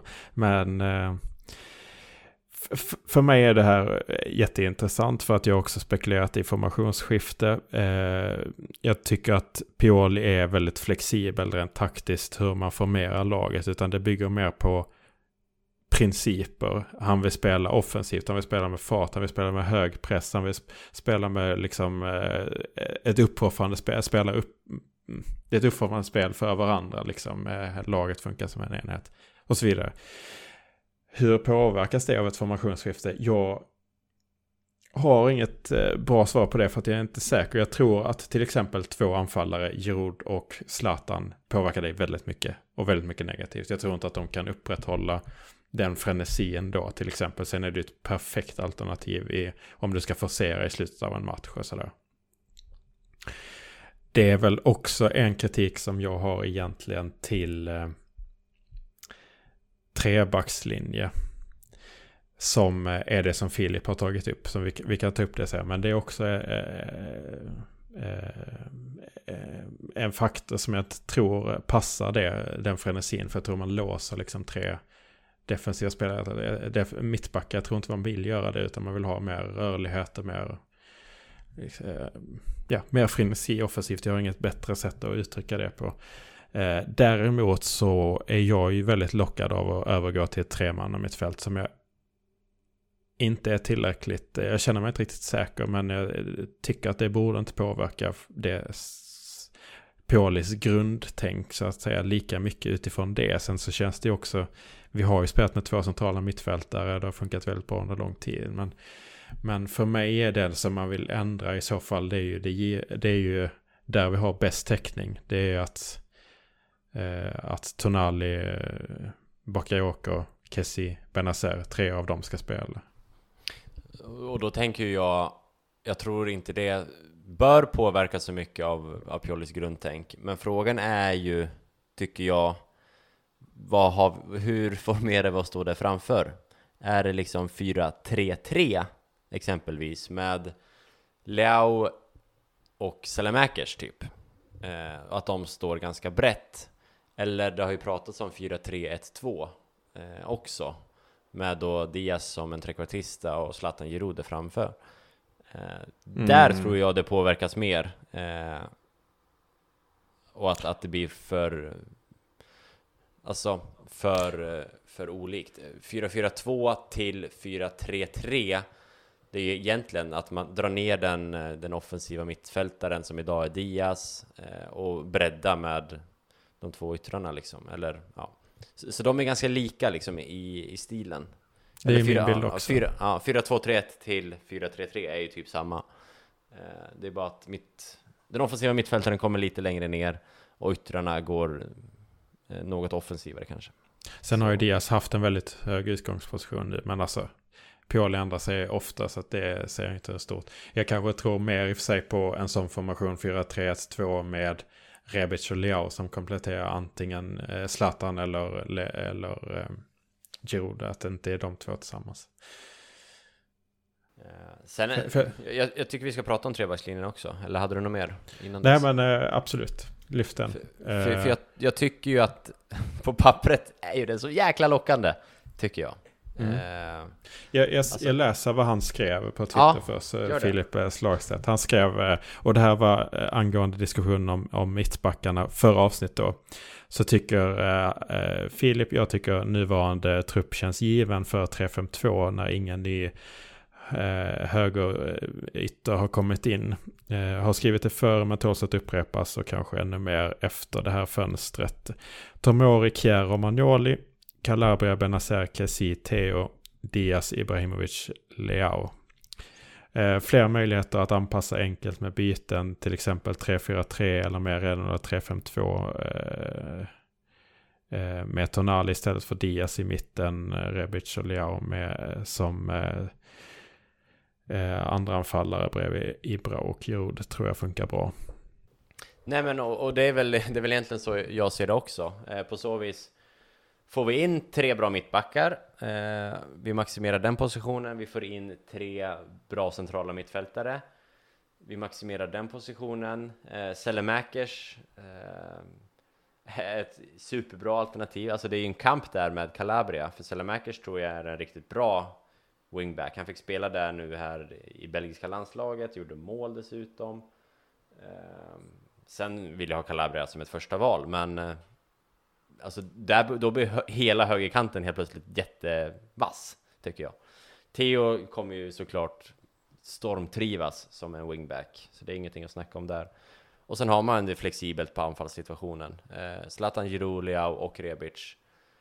Jag, jag ser att, alltså i ett panikläge eller mot liksom tunga mittbackar. Jag tror att man kan starta med Leao, eller med Giroud och Zlatan Eh, i matcher där man anser det taktiskt eh, fördelaktigt. Inte varje match, det tror jag inte, inte i längden liksom, de ska ersätta varandra.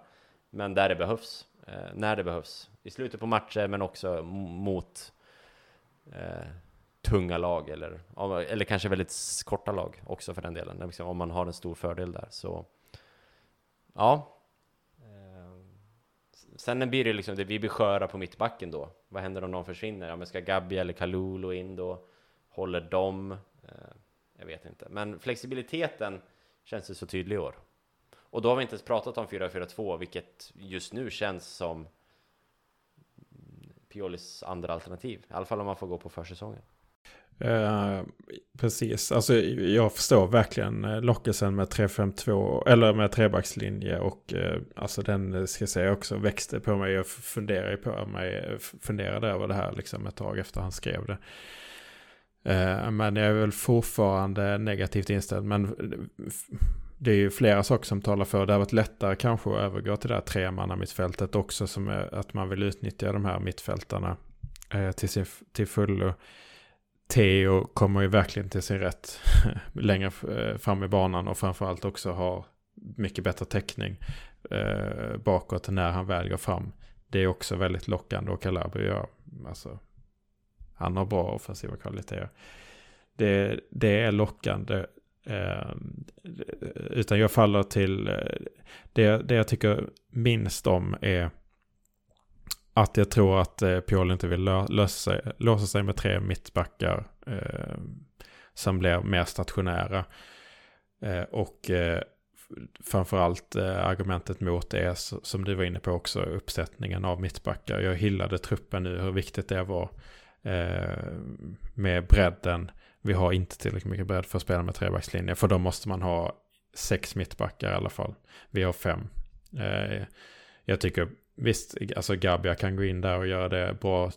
Men kanske, ja, frågetecken på tillräckligt bra. Kalulu tror jag också kan funka som alltså, eh, en yttre mittback. Eh, absolut godkänd, men eh, den bredden är absolut den sämsta i så fall. I truppen och då känns det dumt att byta till information där, där det, det är där man behöver allra mest bredd när vi har mest bredd på centralt mittfält till exempel. Men spelar med färre centrala mittfältare än vi eh, än man kan. Alltså man kan inte spela med färre. Man kan spela med en central mittfältare. Man kan spela med två och det gör vi. Och det är där vi har mest bredd, spets så. Eh, så att jag är väl mest sugen på tre på mittfältet. Eh, om man ska fingra. Men jag vill inte knyta mig allt för mycket med, alltså där med startelva och sånt där. Utan jag, jag tror stenhårt återigen på det här med 16 spelare det är inte, det, det skiljer på 10-15 minuter kanske på de här bytena, vem som spelar mest. Och de ena spelar liksom där matchen avgörs. Det, mm, det handlar om att ha, inte en startelva utan... Eh, det är de elva som avslutar matchen. Är det ett Erik Hamrén-citat vi ser i eh, ny variant nu från Andreas? And, det, det är typ så här två, tre Hamrén-citat som liksom har eh, som ser bättre ut så här i efterhand, vilket eh, är lite jobbigt eh, i sig eftersom jag har varit kritisk mot honom eh, länge. Sen kan jag tycka synd om honom mer nu så att han kan väl få det då. Jag tycker att vi börjar ha ett avsnitt. Det är ju nästan två avsnitt om man delar upp det här på mitten, se till tiden, men vi kommer väl lägga upp det som ett. Ett långt. Hoppas att ni har hängt med eh, hela vägen. Vi har tyckt att det var kul att spela in. Synd att vi inte hade en taktiskt kunnig gäst med oss här i slutet. Då hade vi säkert kunnat prata i en kvart till och därmed kom upp i typ två timmar. Men inte denna gång. Eh, gäster kommer framöver. Andreas, en påminnelse om swisheriet eh, nu eh, när vi har lyssnare som har hängt med oss hela vägen och tycker att det vi gör är eh, underhållande. Man kan skicka en valfri summa.